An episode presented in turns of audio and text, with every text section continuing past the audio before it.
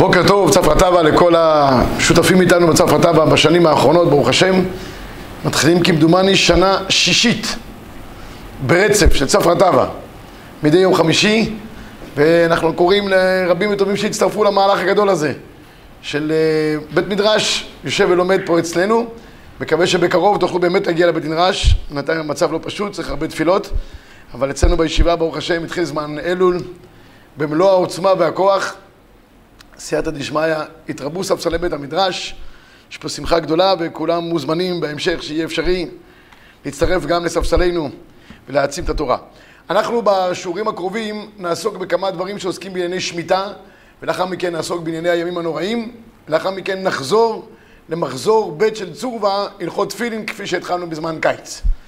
אז לגבי עניין של שמיטה, אני רוצה לגעת בכמה הלכות מעשיות שנוגעות לחודש אלול לקראת שנת השמיטה הבאה עלינו לטובה, איך אנחנו נערך כדבעי, שלא יהיה מצב שבו האדם ייכנס לשמיטה לא מוכן, כשנתפסים לא מוכנים אז מתחילים גם דברים שהם לא כדבעי. אז או שעוברים על איסורים או שמזניחים דברים וחבל. אם נערכים והכינו את אשר יביאו. כל הטורח בערב שבת יאכל בשבת, והשביעית נקראת גם שבת, באופן כזה או אחר. הראשונים מביאים באופן... אה, אה, כל אחד בשיטה שלו, את הרעיון הזה של השמיטה, מה, מה הרעיון של השמיטה, אז יש כמה וכמה שיטות. הכלי יקר למשל כותב להשריש את מידת הביטחון בקודשא בריחו. פתאום האדם שנה שלמה, מי שאומר שמידה כהלכתה, השדה שלו מעלה חרולים, כל מיני דברים אה, קוצים ודרדרים, והוא צריך לפתוח בקדוש ברוך הוא, כמו שהגמרא אומרת, הפסוק אומר, אנשים ישאלו, מה נאכל? הקדוש ברוך הוא אומר, וציוויתי את ברכתי. אבל צריך אמונה שהקדוש ברוך הוא באמת יצווה את ברכתו לחקלאים ולשאר האדם שמתפרנסים מן הצומח ויהיה להם פרנסה בשפע. הרמב"ם במורה נבוכי כותב כדי להרבות באדם חמלה וחנינה. יסוד העניין זה עניין של מצווה חברתית שבה כל אחד יכול להיכנס פנימה ולאכול וגם עניי עירך ועניי עמך יכולים להיכנס וליהנות ואז יש איזשהו שוויון בין האוכלוסיות ואין פערים מדי גדולים. בשנה הזאת כל הציבור הוא, הוא שווה באופן כזה או אחר. הספר החינוך כותב, לחזק בתוכנו את עניין הקדוש ברוך הוא שהוא מנהל את העולם. בעניין הבריאה, כמו שאנחנו כל שבוע, אנחנו שישה ימים עושים את מלאכתנו, ובשביעי אנחנו שובתים, וכל פעם בשבת אנחנו אומרים זכר למעשה בראשית, כי אנחנו כל שבת צריכים לזכור מי מנהל את הבריאה הזאת כל השבוע, לכאן ולכאן, אז לקראת שבת ואחרי שבת, כך גם השביעית. השביעית באה לחזק בתוכנו את עניין האמונה שהקדוש ברוך הוא הוא בעל הבית בבריאה. ולכן כלי הארץ, ואם הקדוש ברוך הוא מחליט שבו שנה אחת אתה לא עובד, אז הבעל הבית אמר לא עובדים, לא עובדים, שביתה, שביתה, מה שבעל הבית אומר, אנחנו עושים. ונסיים באבן עזרא, שהוא כותב שיש גם מטרה גדולה בשנה הזאתי לעסוק בעניינים רוחניים. פעם בשבע שנים אדם לוקח שבתון, זה מצוי אצל עובדי הוראה. עכשיו התורה חידשה שיש שבתון גם אצל החקלאים. בדרך כלל רק עובדי הוראה יש להם את הפריבילגיה של שבתון. לא. התורה רוצה שכל מי שמתפרנס באופן כזה או אחר, פעם בכמה זמן יעזוב את מלאכתו, ייכנס לבית המדרש, יעסוק בתורה בצורה של הרחבת הדעת, בלי לחץ כלכלי וכספי וכולי בעבודה שלו, שישב ויעסוק בתורה בשקט. מאיפה יתפרנס? אמרנו לחץ כלכלי וכספי? בציוויתי את ברכתי. אגב, היום יש כבר כמה וכמה קרנות שעושים לחקלאים, שיקבלו משכורת בשנת השמיטה בתנאי שיבואו ללמוד בית המדרש. יש, עושים להם קרן, קרן השתלמות לחקלאים. וזה מן הראוי סתם ככה, שהאדם מדי פעם, ייקח לו קצת מנוחה מעבודתו, ייכנס לבית המדרש, יעצים את עצמו, יתחזק, יקבל הרחבת הדעת וימשיך אה, הלאה בחייו. הרעיון הזה גלום כל שבת, רבי ישראל. לא ניתנו שבתות ימים טובים לישראל, אלא לעסוק בהם בתורה. הרעיון הוא, שישה ימים עסוק בעניינים חומריים, מלאכה וכולי. יש יום אחד שהוא רוחני. כולו מטרתו כדי להעצים את האדם מבחינה רוחנית, כשישב וילמד ויגה בתורה. לכן אומר אבן עזרא, והנה השבת ניתנה להבין מעשה השם ולאגוז בתורתו, כך כתוב, כי שימחתני השם בפעוליך, כל ימי השבוע אני מתעסק בצרכיו. הנה זה היום ראוי להתבודד ולשבות בעבור כבוד השם, ולא להתעסק לשווא. כך גם שנת השמיטה במקביל לשבת קודש, שאדם יהיה יושב ועוסק בתורה. עד כאן הטעמים המרכזיים לשנת השמיטה, אבל איך זה נוגע לכל אחד מאיתנו, הלוך למעשה. אז אני רוצה לגעת בהלכה למעשה, השיעור הזה בעניין איך אנחנו מכינים את הגינות שלנו לקראת שנת השמיטה. למי שיש גינות ציבוריות, זה דבר ש... אה, ציבוריות, אני מתכוון לא ציבוריות עירוניות, שזה שייך לעירייה, וזה נדון בשיעור בפני עצמו, אלא מי שנמצא בבניין, ויש גינה משותפת לכלל אה, דיירי הבניין, אז צריך לדעת איך לנהוג. אם זה דיירים שכולם דתיים, וזה די נדיר, אלא אם כן זה במרכז אה, בני ברק, או ביתר עילית, או... אבל בשאר המקומות, הבניינים הם מעורבים לכאן ולכאן, יהודים, דתיים וחילוניים, ערבים וצ'רקסים, בניינים הם תערובת של אנשים. מה קורה לגבי הגינה? אני לא רוצה שלי יהיה חלק בזה שאני מסייע לדבר עבירה לאבד את הגינות ולטפח אותן בשנת השמיטה אם זה נעשה שלא כהלכתה.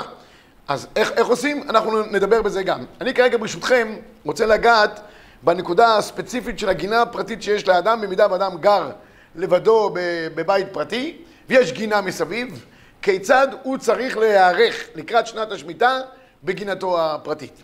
אז יש לנו מלאכות האסורות בשמיטה, שהתורה אסרה אותן, ארבע מלאכות התורה אסרה, שאר מלאכות הגינה, הגינה והשדה, חכמים אסרו אותם, הם נקראים אבות, מה שהתורה אסרה, ומה שחז"ל הוסיפו נקראים תולדות. כמו בשבס, הכל מקביל לשבס. אבות, מלאכה, תולדות מלאכה בשבת.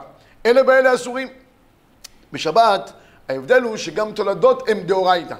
בשביעית האבות הם דאורייתא, התולדות הם איסורים מדרבנן. אז התורה אסרה לנו ארבעה מלאכות בשביעית, זה בתוך השביעית עצמה. אבל באו חכמים ואמרו שאין, האיסור הוא לא מצטמצם רק בשנת השמיטה. שנת השמיטה למעשה חלה מדויק מראש השנה, א' בתשרי, עד כ"ט באלול, תשפ"ב, שיבואו עלינו לטובה ולברכה בעזרת השם.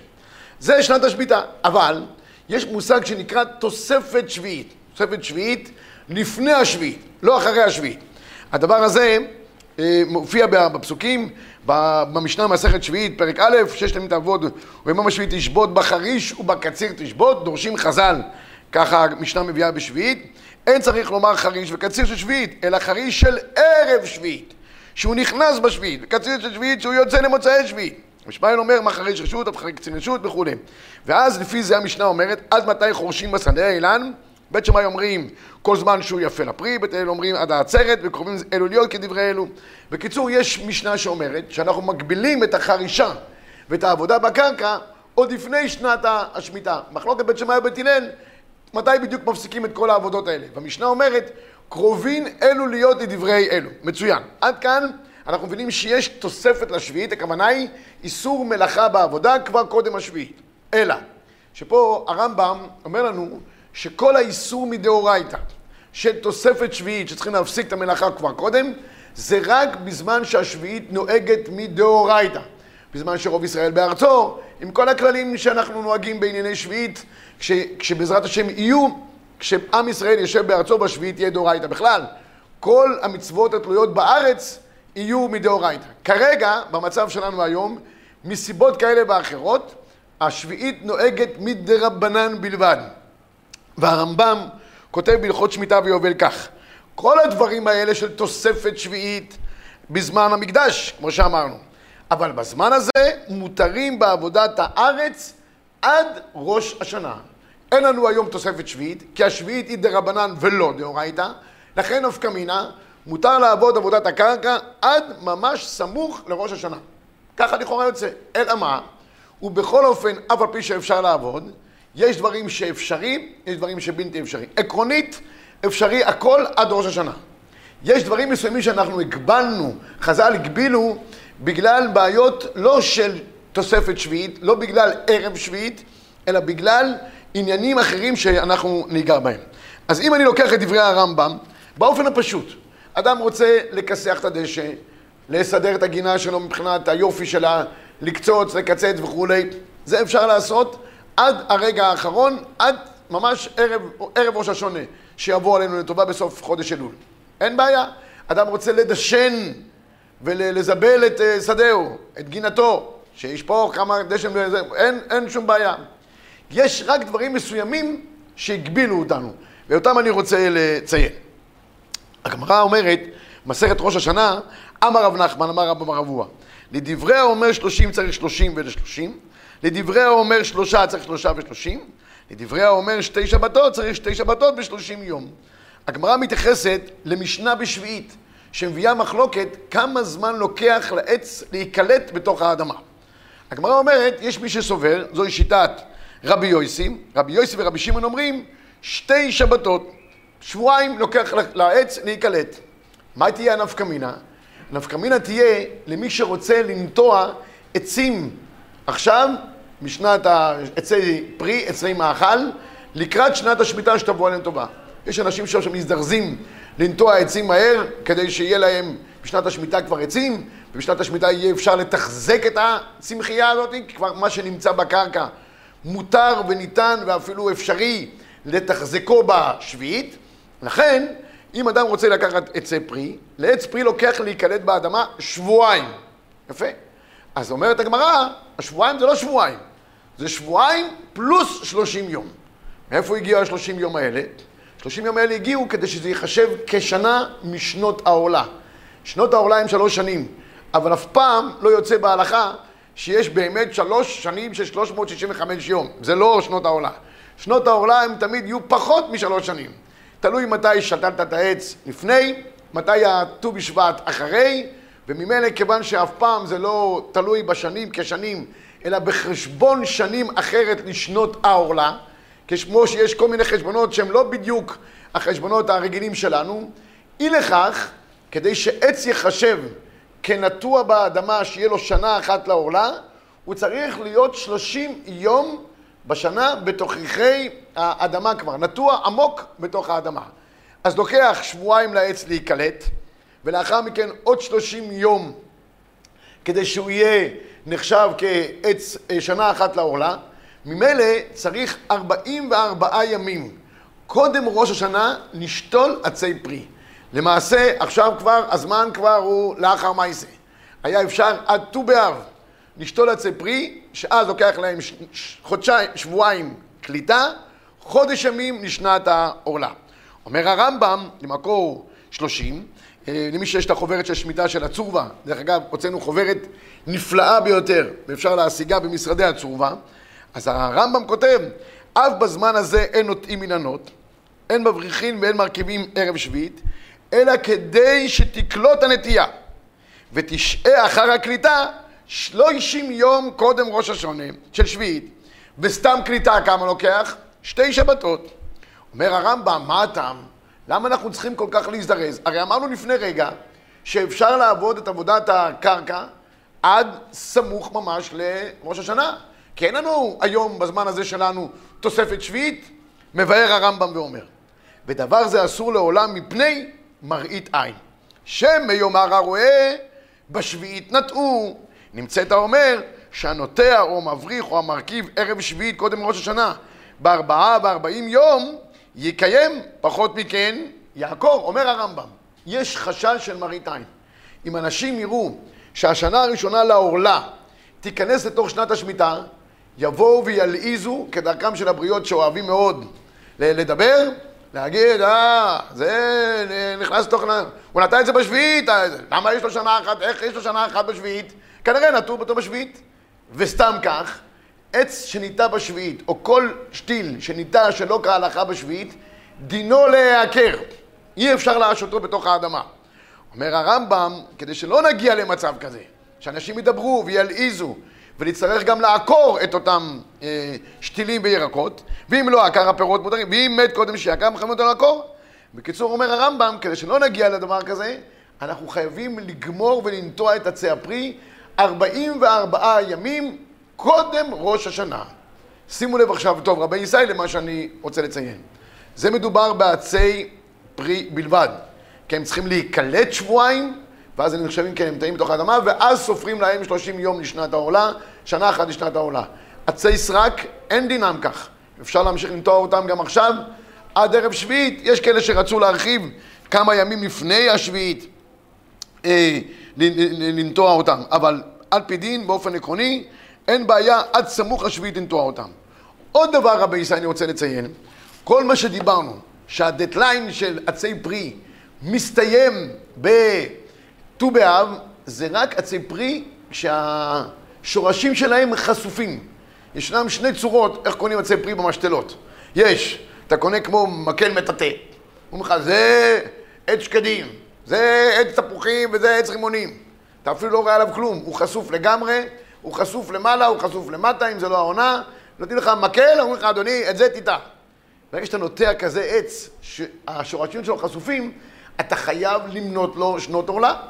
אבל הרבה משתלות, אולי אפילו רובם, לא שותלים כאלה, לא נותנים לך עצים שהם מקל מטאטא כדי שתטע אותו באדמה ואחרי זה יגמול שקדים ויפרח ויעשה ציץ.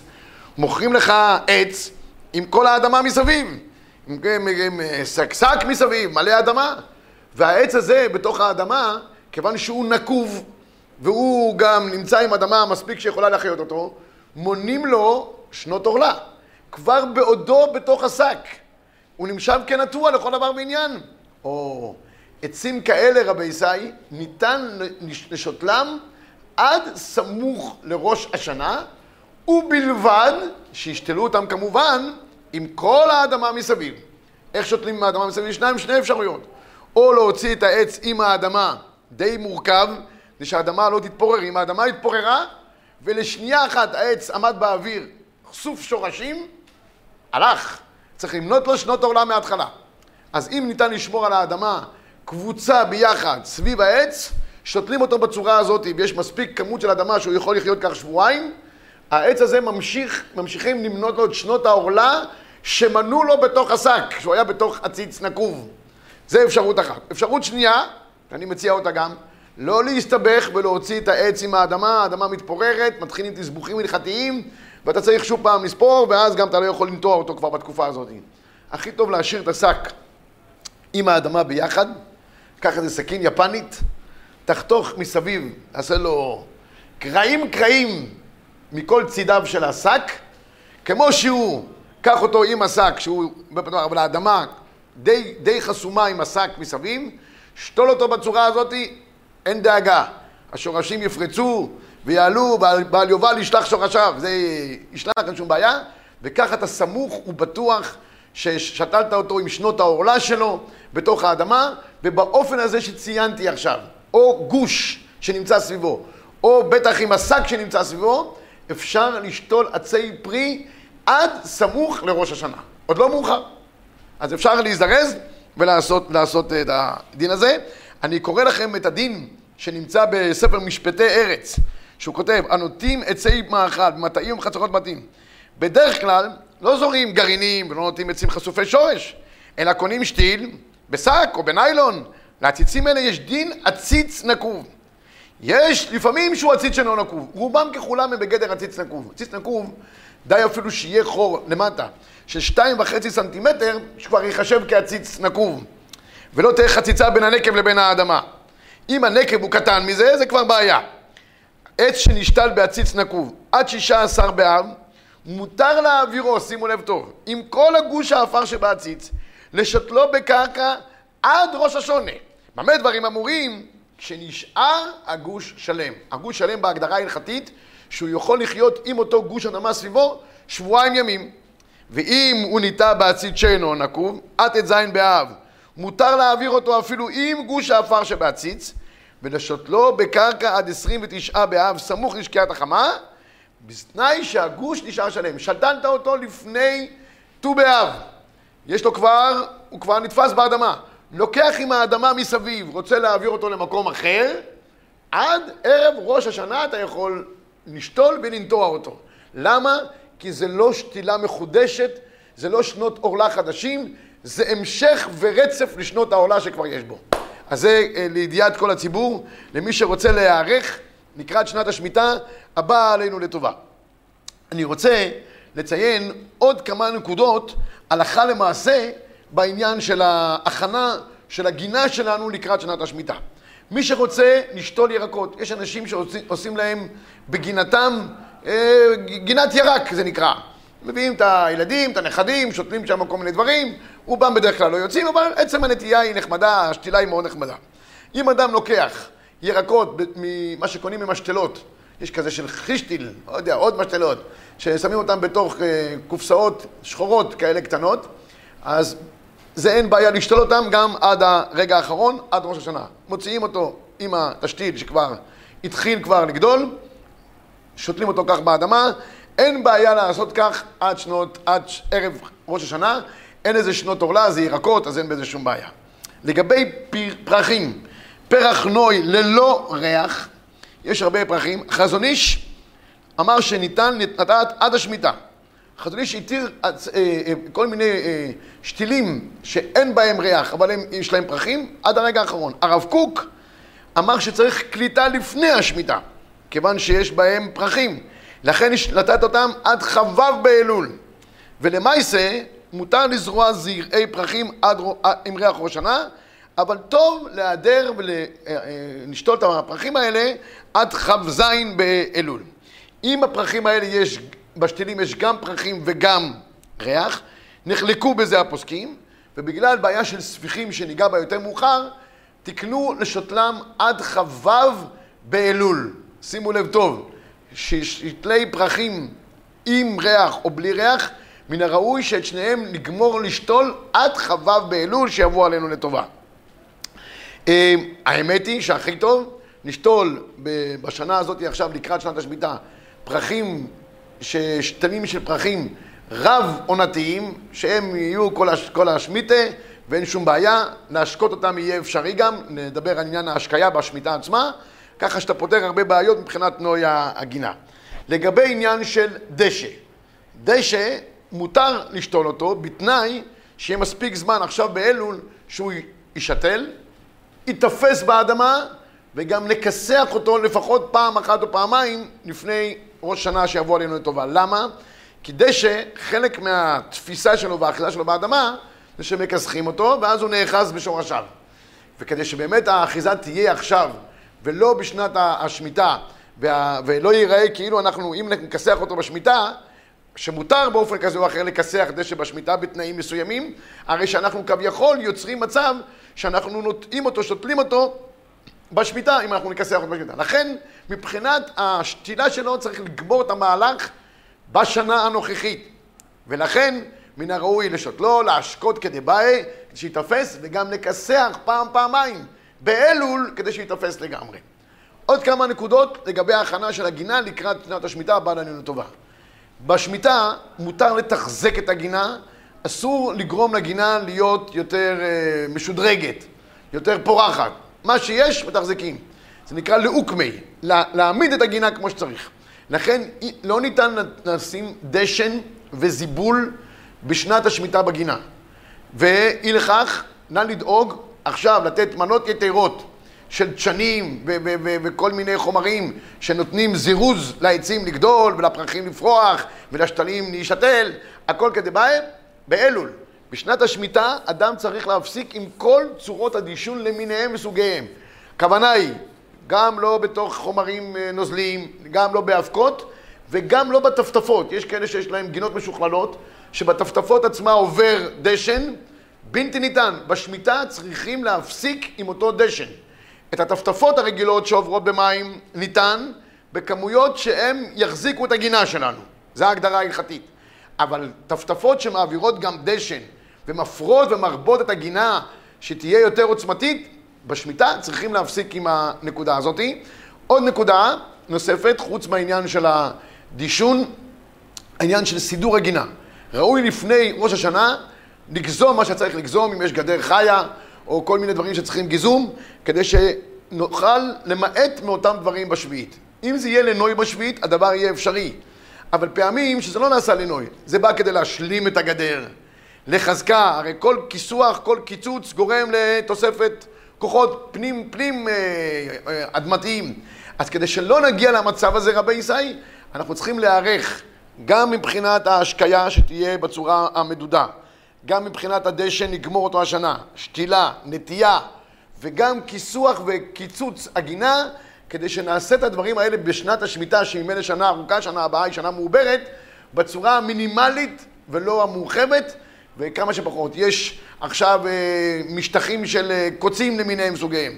אפשר בשמיטה להוציא אותם אם יש סכנה של נחשים, דברים כאלה. אבל פעמים שזה גם נוגע לענייני נוי. אז אותם מקומות שכבר נמצאים עכשיו, נא לטפל בהם עכשיו כדי שהם יסתיימו, אה, אה, ההכנה להם עכשיו בשנה הנוכחית, וכמה שפחות לעשות מלאכות כאלה בגינתנו הפרטית בתוככי שנת השמיטה. גם לגבי קניית עציצים למיניהם, אדניות למיניהם וסוגיהם. עכשיו זה הזמן רבי ישראל, לקנות עציצים מהמשתלות, לשים אדניות בחלונות, לשתול אותם ולתת להם גם את המחיה שלהם, ופחות פחות להתעסק עם הדברים האלה בשנת השמיטה, כי מתחילים להסתבך האם זה היה עציץ נקוב, עציץ שאינו נקוב, אם המשתלה שתלה את זה בשביעית או לא בשביעית, צריך משתלות מיוחדות בשביעית, כדי שיהיה אפשר לקנות מהם עם השגחה, שלא עושים דברים מאסורים בשביעית. אז כדי שלא לא נסתבך עם הדברים האלה בשביעית, מן הראוי שכבר הדברים יהיו מוכנים עכשיו, כפי שאמרנו בתחילת שיעורנו, והכינו את אשר יביאו. צריך להיות ערוכים ומוכנים לקראת שנת השביעית כדבעי, ואם אנחנו נערך כדבעי, אז הקדוש ברוך הוא גם ייתן את ברכתו, כמו שהוא מבטיח לנו, וציוויתי את ברכתי לכם. שנזכה לברכה ולרוב טובה, שבת שלום ומבורך.